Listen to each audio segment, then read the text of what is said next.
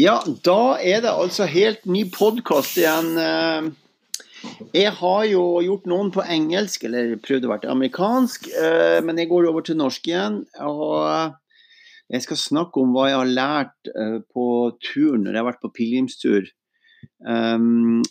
Og så skal jeg ha med meg han Kasper på Zoom, så jeg skal starte med recordinga der. Der er han eh, Kasper, ja. Uh, så da begynner vi på nytt igjen. Hører du meg? Jeg hører deg veldig godt. Du hører meg godt, ja. OK. Um, så det som skjer nå på podkasten min, det er da at uh, jeg har han Det er jo korona, og da er det jo sånn vi skal ikke være sammen i samme rom. Så jeg har han Kasper, Stig Kasper som har fulgt med på turen og vært med og jobba på pilegrimsturen. Han uh, han er på, eh, på, sin plass, og så er jeg på min plass, og så ser vi hverandre på skjerm.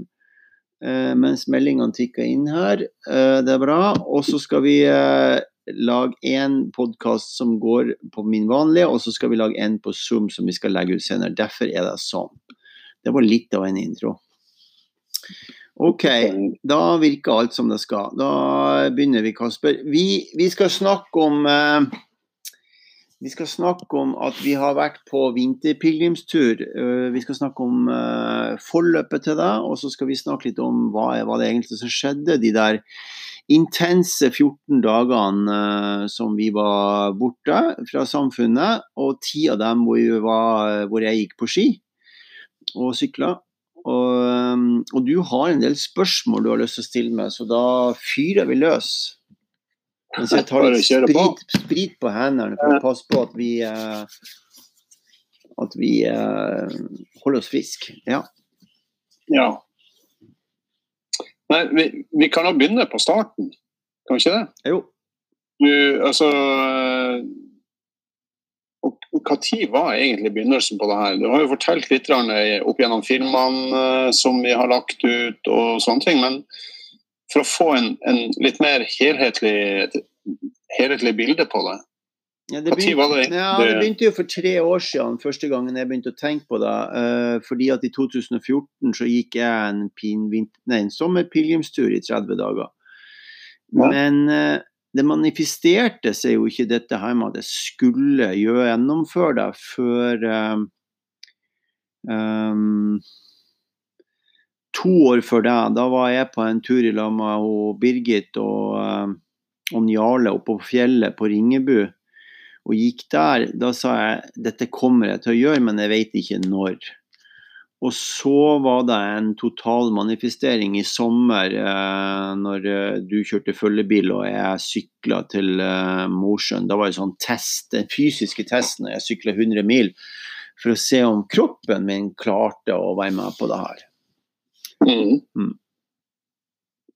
Og så begynte det å skje litt eh, Jeg har jo fulgt veldig mye av, av historien fra sidelinja her. Og, og, fått mye informasjon fra deg også. Ja. Men eh, da begynte det å skje litt sånne rare ting. Altså eh, ja, vi hadde jo en Folk som kom inn i, i, prosjektet, bare plutselig dukka opp fra intet. Ja, jeg tenker at å, å ta en beslutning er noe av det viktigste man gjør i livet. Å ta en beslutning så at dette her, dette her skal jeg gjøre. Jeg skal faktisk gjøre det her, selv om jeg ikke vet hva jeg skal gjøre for noen ting. Jeg, um, det gjør at du kommer ut av uh, det som jeg av og til kaller for, for fengselet. Du sitter fengsla litt i de gamle mønstrene, og sånn, og så tar du beslutning om å gå inn, ut i det ukjente. og OK, jeg skal gjøre det her, jeg vet ikke helt hvorfor. Og det, det vet ikke jeg, eller jeg har fått noen svar på, vi kommer tilbake til det. Jeg vet noen svar som er litt mer sånn bekreftende på hvorfor jeg skulle gå vinterpilegrimstur. Uh, men når du bestemmer deg for noen ting, og du fokuserer på noen ting uh, Det jeg opplever skjer da, det er jo at uh, du tiltrekker deg Eller fokuset på det du holder på med, gjør at det ekspanderer.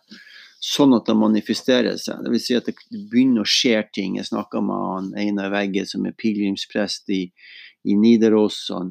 Andreas Arneberg han møtte jeg i i, på en vinkveld, Toskana vinkveld med Tomasi her ute. Og så sier han jeg kjenner en som Jeg hører at du skal på tur, har hørt han av faren sin. Og så sier han jeg kjenner en som er veldig god på film. Og han heter Markus. Karkars, og så sier han OK, hvem er det? Nei, du skal få møte han. Så Da begynte manifesteringa, og, og, det var jo kjempekult. De to guttene ble jo med på turen og har jo filma en hel masse og gjort masse kommunikasjon som skoleoppgave og som, som prosjekt. Så øh, mange, mange, mange ting har skjedd underveis. og vi fikk jo gått turen i lag med han Einar Vegge, som er pilegrimsprest, og vi fikk jo åpna og skulle jo inn i kirka i Vi jo, hadde jo konsert i, i, i Nittedal kirke, nesten full kirke. Masse folk, selv om det var, korona var begynt å komme. Det var ennå tidlig, dette er i begynnelsen av mars. Og så eh, ja, eh, var det jo konserter, og det var mange flotte ting som skulle skje. De var jo spilte i eh, Kari Rønnekleiv og Ole Henrik Moe uh, sammen med Gong on the Way, med Tor Arne Hove og gjengen. Var jo uh, i Nittedal kirke, og uh, presten var der, Kjell Skarstetter Hagen var der, og masse folk. og Gospelkoret var der, Nittedal gospelkor, og det var en nydelig uh, avgang. Og da, og da, begynte jo turen. Da reiste vi opp på hytta i Holtekollen, og så lagde vi pizza der. Nå ringer telefonen, den skal slå av. Sånn. Uh, og så var jo vi oppe i hytta i Holtekollen uh, på kvelden. Uh, på den dagen da, før vi begynte å skulle gå offisielt, så sykla jo jeg bort til Åsgård, til han Nils Thomas Fearnley.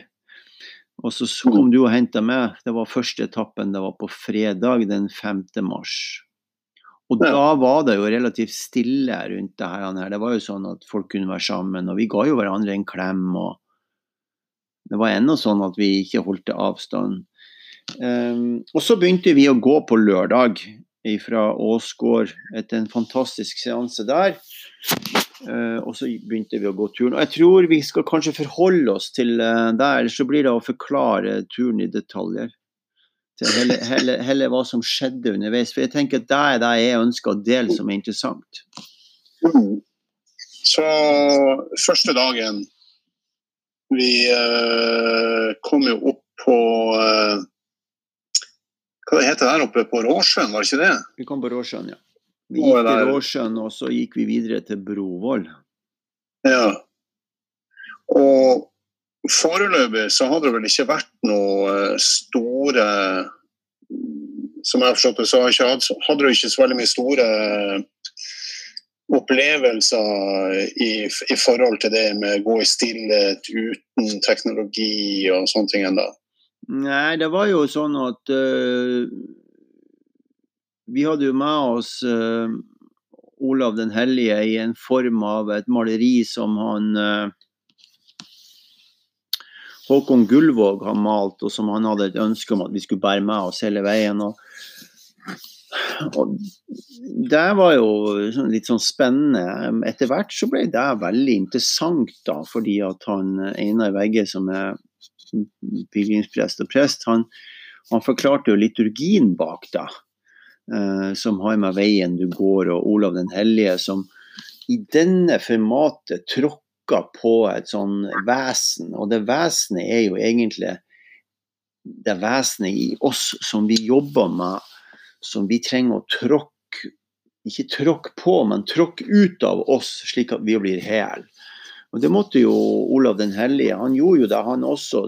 Og Poenget her er jo at at du møter det sjøl, at du ser det sjøl i alle. Når noen gjør noe rart, eller, eller, noen gjør noen ting, så har vi en tendens, vi menneskene, til å skylde på dem. Liksom. Vi peker på de andre. Det er hans skyld. Det er, det er koronaen sin skyld. Det er Kina sin skyld. Det er naboen sin skyld for at det snør så mye.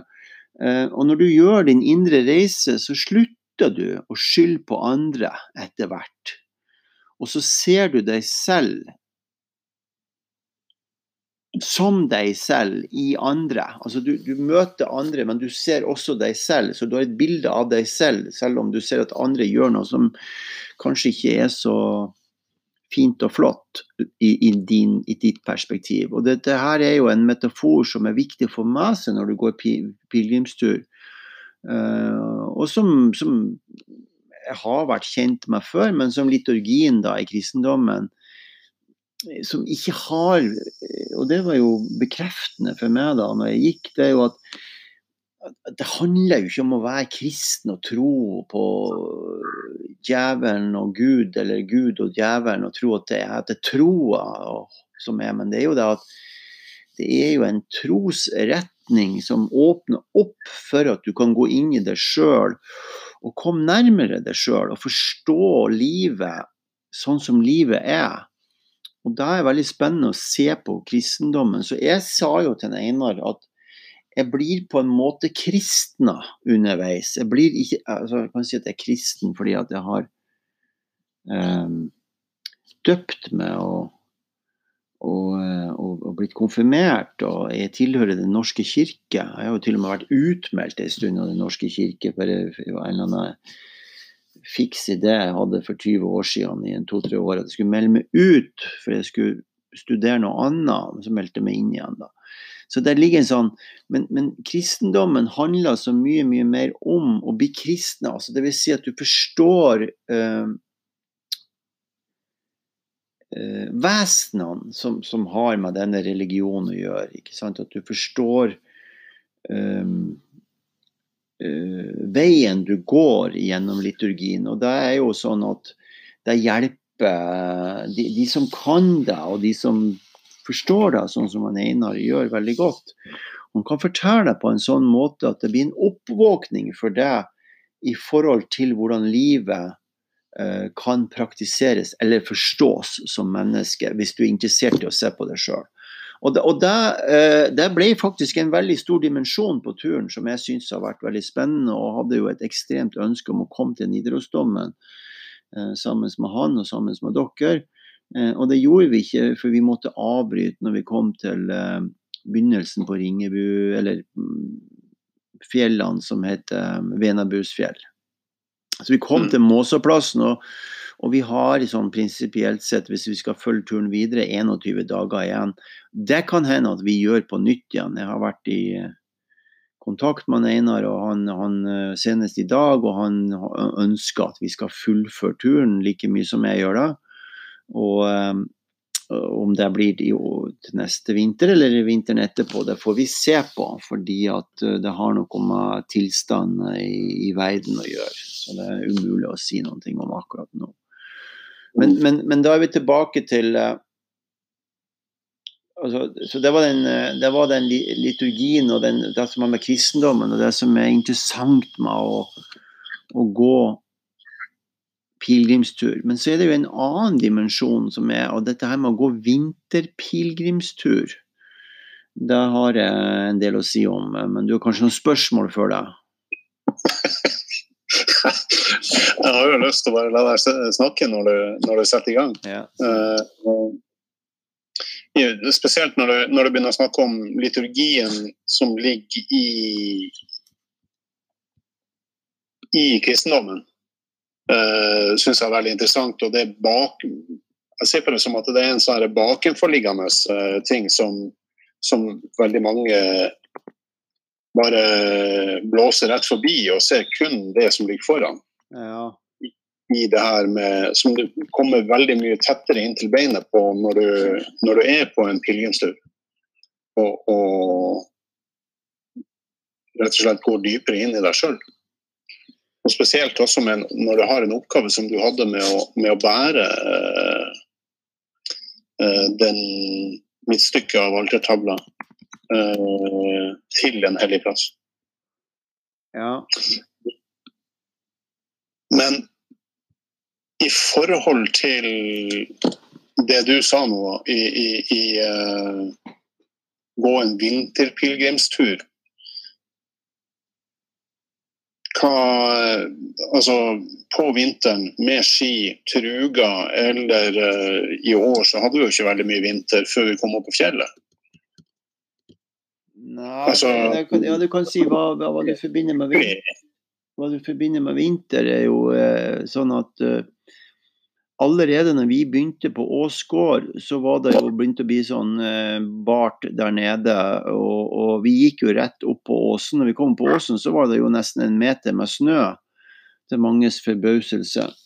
Så i- min opplevelse var at jeg var i vinter ganske fort. Jeg var i vinter, eh, og vi fikk jo slø og snø og sludd på dag nummer to opp til Lygna, som var en fascinerende dag. Det var jo den dagen jeg glemte å ta med meg matpakke. Eh, Så gå på ski fem-seks timer i slapsføre eh, og oppdage Du går i stillhet, og så oppdager du etter tre timer når du skal spise matpakken, at den har du jaggu ikke tatt med deg.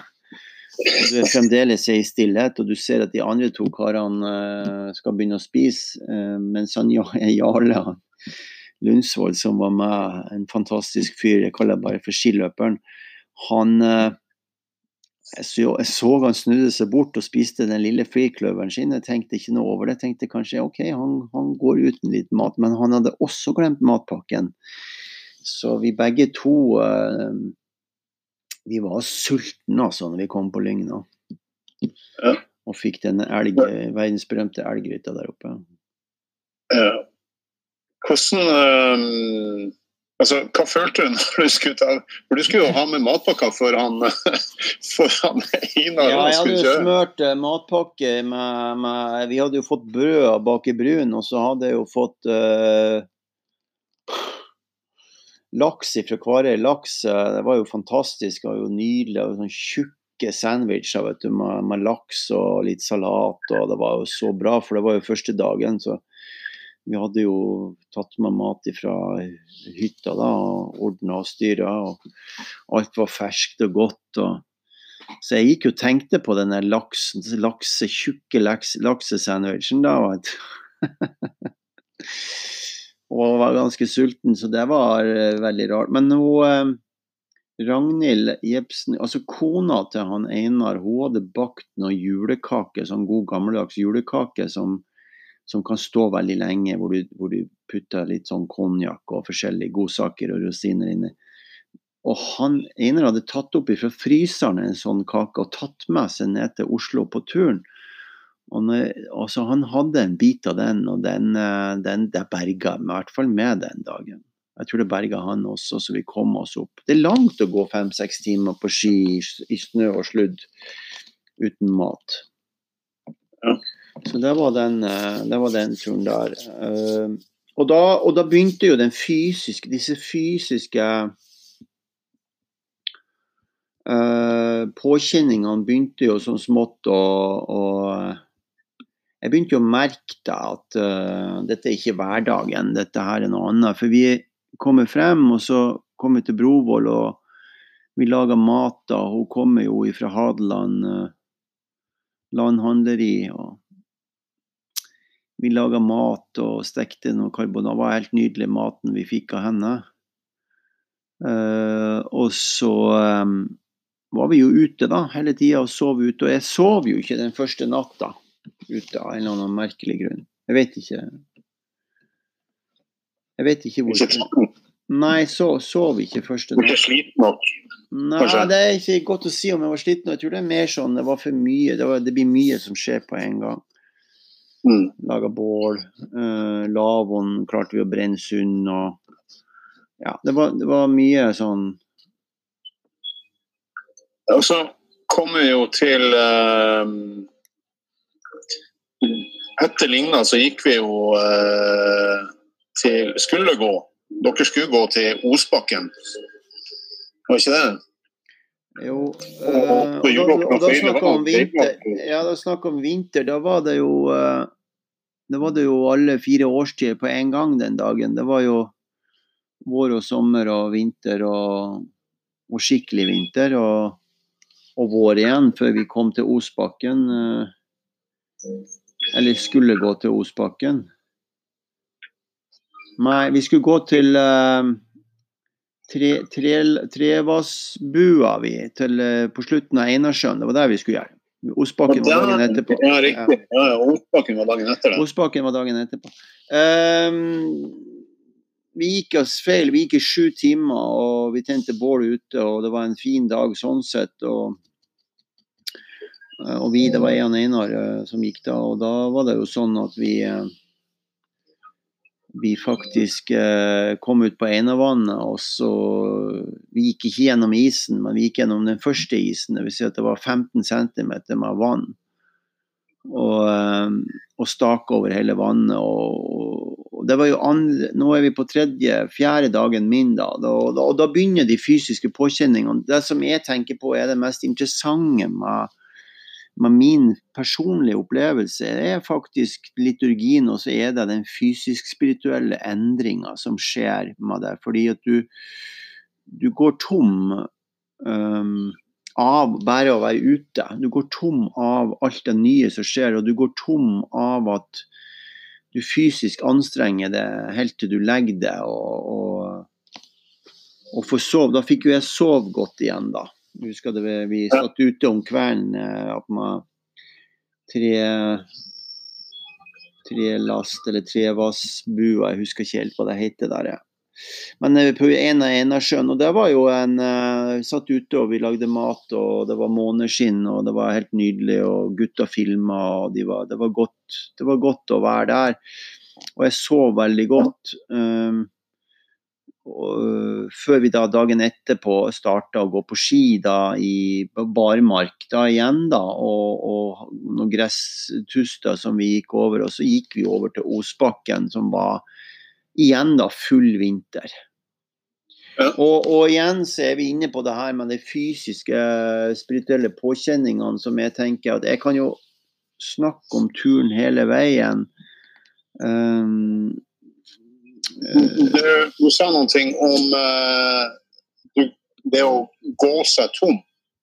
Du, du, gikk, du gikk deg tom Altså fysisk og, og tankemessig. Ja, det som skjer, er at du går deg tom. Det vil si at du går deg ikke bare fysisk tom, men du går deg tankeløs. Altså du går deg Å gå seg tankeløs. Uh, og det var da jeg kom opp med det her med å, være konge over eget sinn. ikke sant? Du, du, går og går og går, og går det i fire-fem dager, så begynner det her å tære på det som vi kaller på tære på det indre høres så fascinerende ut, men det tærer på det at du det tærer på deg sjøl, så du blir fysisk og, og, og, tom i tankene. Så det du forholder deg til, det er at du går, og at du spiser, og at du får sove. Og de dagligdagse tingene som du holder på med til vanlig, med telefon og, og PC og alt dette styret som vi stalker, som vi holder på med i hverdagen, det blir jo borte. Det forsvinner. Og så blir jo konsentrasjonen blir rundt hva som foregår. Og det er da du begynner å møte deg sjøl. Mm. Og når du møter deg sjøl, så blir du opptatt av å bare puste og leve og gå på ski og spise. Eh, og du lar tankene fare forbi.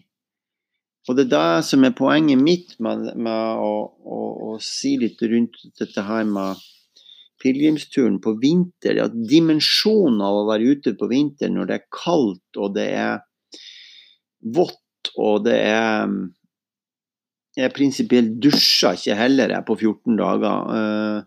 Det kan du gjøre om sommeren, det er ofte sånn at du hopper opp i en pytt og får bada. Så det stimulerer til at du kommer enda nærmere deg sjøl. Så dimensjonen av å gjøre det på vinteren er mye, mye sterkere. sånn og jeg har ikke vært borti noe retreat, selv om jeg gikk i, altså var borte fra alt i 14 dager. Så har jeg jo vært på lengre retreater, men det er ingenting så, som er så kraftig som å gjøre det på vinteren.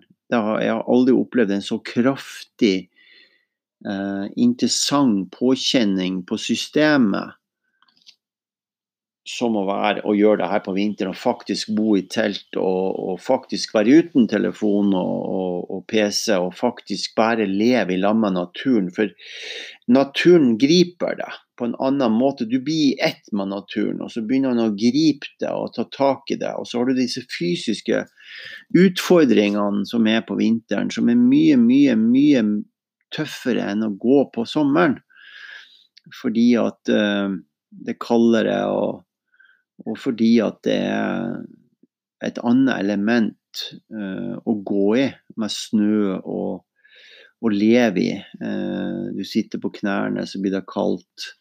Du lager mat, mat ute. Du, du, du bør ikke sitte oppi snøen for lenge, ikke sant? så du leter etter et liggeunderlag eller noe å sitte på. Det er hele tida noen ting du holder på med for å passe på at du holder varmen og, og at du har drukket nok og, og spist nok. Og spisinga går i og for seg veien, men det drikkinga er mindre. mindre drikk, du får inn det mindre drikke nettopp fordi at um, det er ikke så mange bekker som er åpne, og det er ikke så stor tilgang til vann, så du må enten smelte snø eller få det når du kommer frem.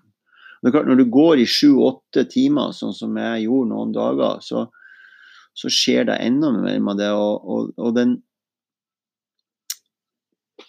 den da, Jeg skal bare se hvordan det går med recordinga her på fire minutter igjen. Ja. Eh, før vi må sette på en ny. Så En av de tingene som jeg opplevde som kanskje det mest spesielle, det var jo det at når vi kom til uh, um, Vi hadde gått fra Pellestova inn på fjellet. Uh, og da var jo jeg og Jarle og Kjell var med også, han var kommet. Um, og så var uh, han Einar med og Jarle. Uh, og vi hadde en tung pult. Vi hadde jo kokt risengrynsgrøt. Den veide jo ti kilo vi bar inn på fjellet. Så vi hadde, en, vi hadde, en, forholdsvis tung pult som jeg og Jarle delte på. Uh, og jeg gikk med den de første tre-fire timene, og så gikk han med den de siste tre-fire timene. Vi hadde en enormt Vi gikk jo fire og en halv mil den dagen med en pulk på en 40-50 kilo som ikke glidde, for vi hadde Ja, den var ikke noe god glid på den. Eh, det var feil valg av pulk. Eh, det er nå i og for seg greit, det lærer man jo av. Um, og det gjorde at jeg Midt inne på fjellet så skulle vi lage mat. Og vi tente bål, det var solskinn og fint. Og da fikk jeg det som jeg kaller for en release. Altså jeg, jeg begynte å flire og le da. Og, og det gjorde jeg i mange, mange minutter. Og og da ble jeg helt fri for alt sammen. Og det var på dag nummer åtte. Det husker jeg veldig, veldig godt. Nei, da, unnskyld, dag nummer ni var dette her, for vi gikk ned av fjellet på dag nummer ti. Ja. Uh, og, og, på dag nummer ni, da, som, som jeg fikk denne releasen, der var det mest betydningsfulle reaksjonen jeg hadde fysiologisk, eller fysiospirituelt, som jeg kaller det. Uh, for det var ikke det at jeg var sånn sliten av å være at jeg har vært på ski, men jeg var bare metta av natur og av alt sammen. Og det hadde grepet meg så mye at jeg begynte å le av alt sammen som var rundt meg. Av at vi var i stillhet, av at vi laga mat. av at vi, Og til slutt så lo jeg av ingenting. Og da oppnådde jeg den følelsen av å være helt fri. Og, og, og det tok altså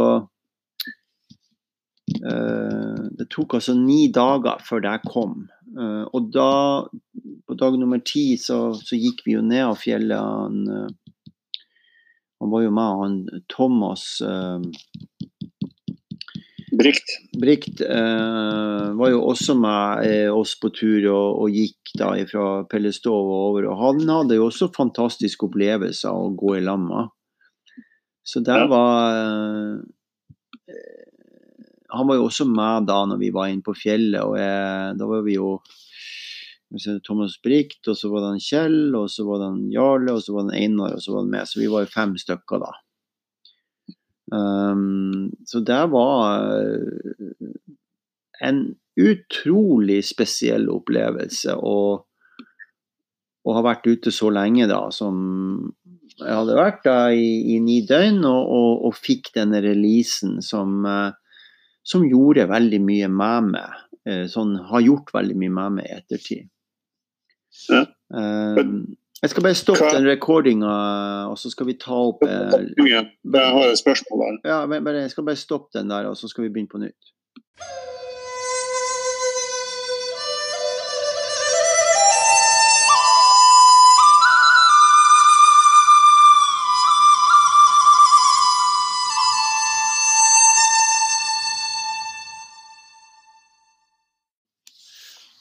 Ja, da er vi videre igjen. Du hadde et spørsmål. Vi var kommet på dag nummer ni.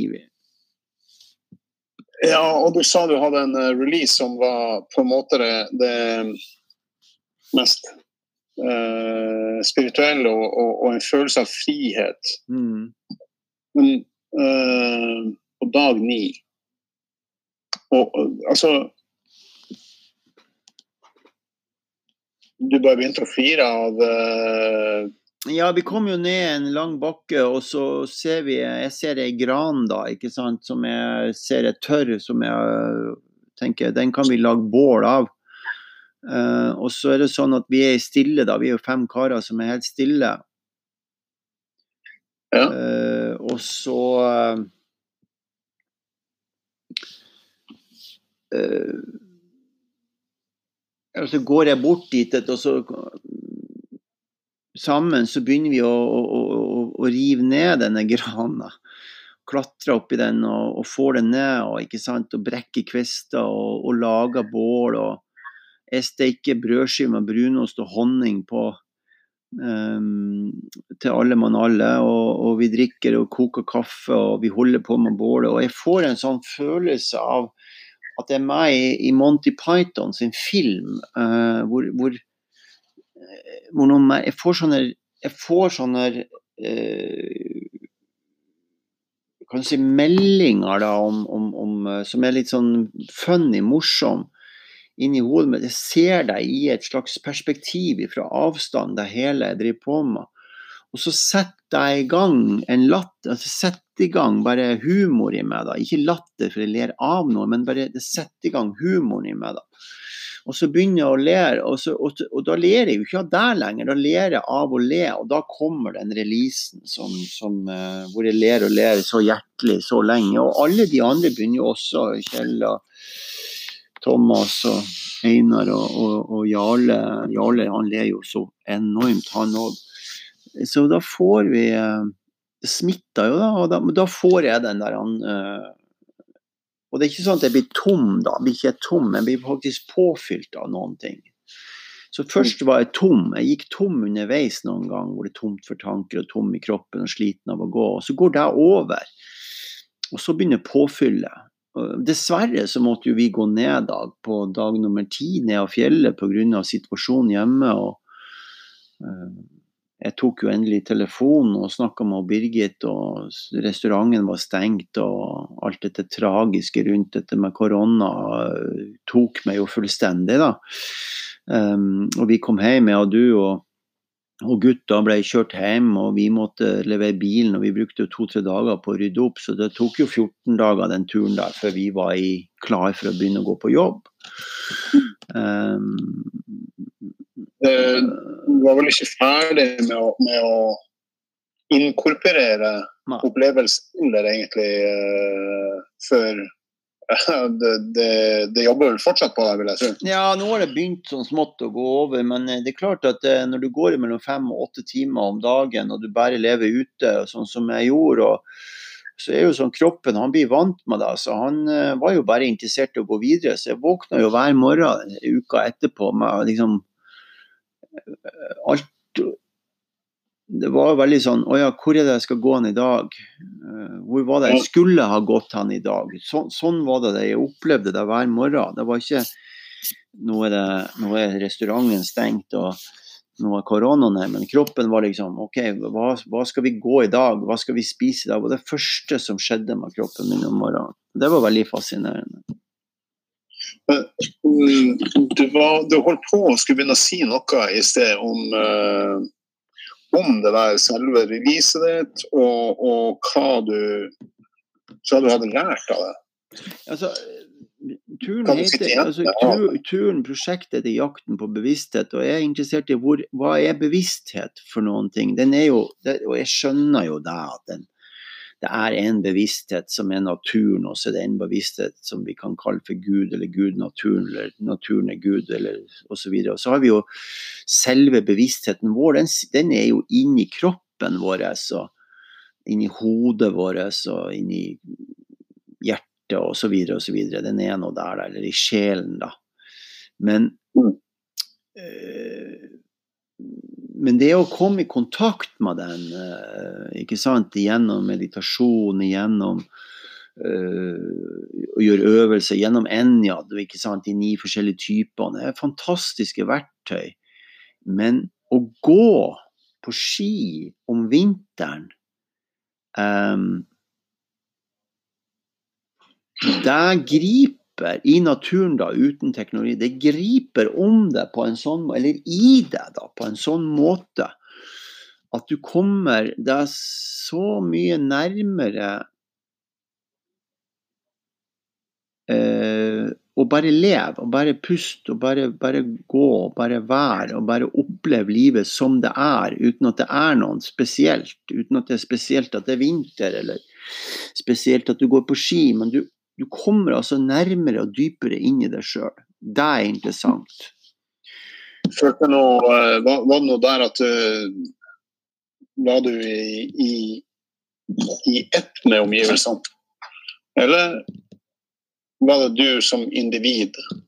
Nei, det Ja, nei, jeg vet ikke hvordan jeg skal forklare det. Det går over alt det der ideene om, om hva om jeg er individ eller ikke, det går over. Det er ikke er, det, det, det er, sånn, det er ikke det som skjer lenger. Det er ikke, det er ikke en separasjon eller noe er i lag med alt, eller noe er individ. Du bare er. Du er bare. Du puster bare. Du flirer bare. Du spiser bare. Du går bare. Det er ikke noe annet enn det lenger. Skjønner. Så det er ikke noe Det er ingenting å forklare. Det bare, du bare Du lever. Du, du bare er et menneske som lever. Og det skal så mye til, i hvert fall for min del, for at jeg klarer å, å være der. Jeg kan jo si det i sånn Jeg kan jo sette meg nå og si at er du her? Kjenner du det sjøl? Ja, jeg er her. Og så ser jeg på skjermen, og svorts er det borte, fordi der er, en, der er du, ikke sant, og det er en Mac og så videre. Og det der er De, de, de påvirkningsobjektene, eller de tingene, de, de er borte når du er i naturen. Og i hvert fall under litt mer sånne eh, forhold som er mer Som krever litt mer av oss. Mm. Litt mer tilbake til de gamle dagene? Ja, på en måte. Litt mer sånn uh, Hogg din ved og bær vannet ditt. Jeg gjør jo det hver morgen. Jeg hogger jo ved som en del av min uh, jeg, ikke, jeg, mediterer ikke bare, men jeg, spesielt i sånne perioder som er nå, hvor det er mye stress rundt uh, ja, alt som finnes med, fra personale til økonomi til alt. Alt fra A til Å, banker og så er jeg jerndisiplin på å gå ut om morgenen og hogge ved. Jeg hogger ved hver dag. Du har en morgenrutine? Ja, ikke fordi at jeg trenger så mye mer ved. Det, det, det er jo Men det er da at jeg hogger ved og bærer veden inn og, og, og ikke sant Der jeg bor, så har jeg jo ikke vaskemaskin og sånn, så jeg vasker jo koppene. og og bærer veden og, og spiser frokost og drikker kaffe og gjør mine meditasjoner og sånne ting. Men det er spesielt det her med å, å være i kontakt med naturen på den måten. Det er betydningsfullt for å ikke miste perspektivet på at vi faktisk lever. Og jeg, med all respekt for alle de som kan bli syke, eller er syke, eller har blitt syke, eller har dødd, eller skal dø, eller så mener jeg at det er superviktig nå å gjøre en disiplin og gjøre sine ting sånn at man holder seg eh, frisk i hodet og kroppen. Det er liksom superviktig. Og, og vær, vær, smart, altså. Les avisen og få med deg at du må bruke sprit på hendene. Og, og gjøre sånne ting som, som gjør at du ikke blir smitta. Men vær tøff mot deg sjøl. Da mener jeg virkelig altså ha en disiplin. Kom deg opp om morgenen. Må ikke bli liggende i senga. Opp om morgenen. Ikke bruk hele dagen på, på VG og Dagbladet. Og kom deg ut i skogen eller utfor døra og gjør noe fysisk, altså. Mm. Det er ekstremt viktig, tror jeg, mener å kjenne på kroppen. Ja. Ja. Skal vi uh, Ta det opp igjen senere? Ja, vi gir oss der, vi. Nå tror vi, vi har jo holdt på i 40 minutter. Ja. Ja. Og så kan vi ha en uh, føljetong senere, kanskje. Ja, en føljetong om ei stund. Ja. Supert. Takk skal du ha. Takk for spørsmålet. Ja, hei.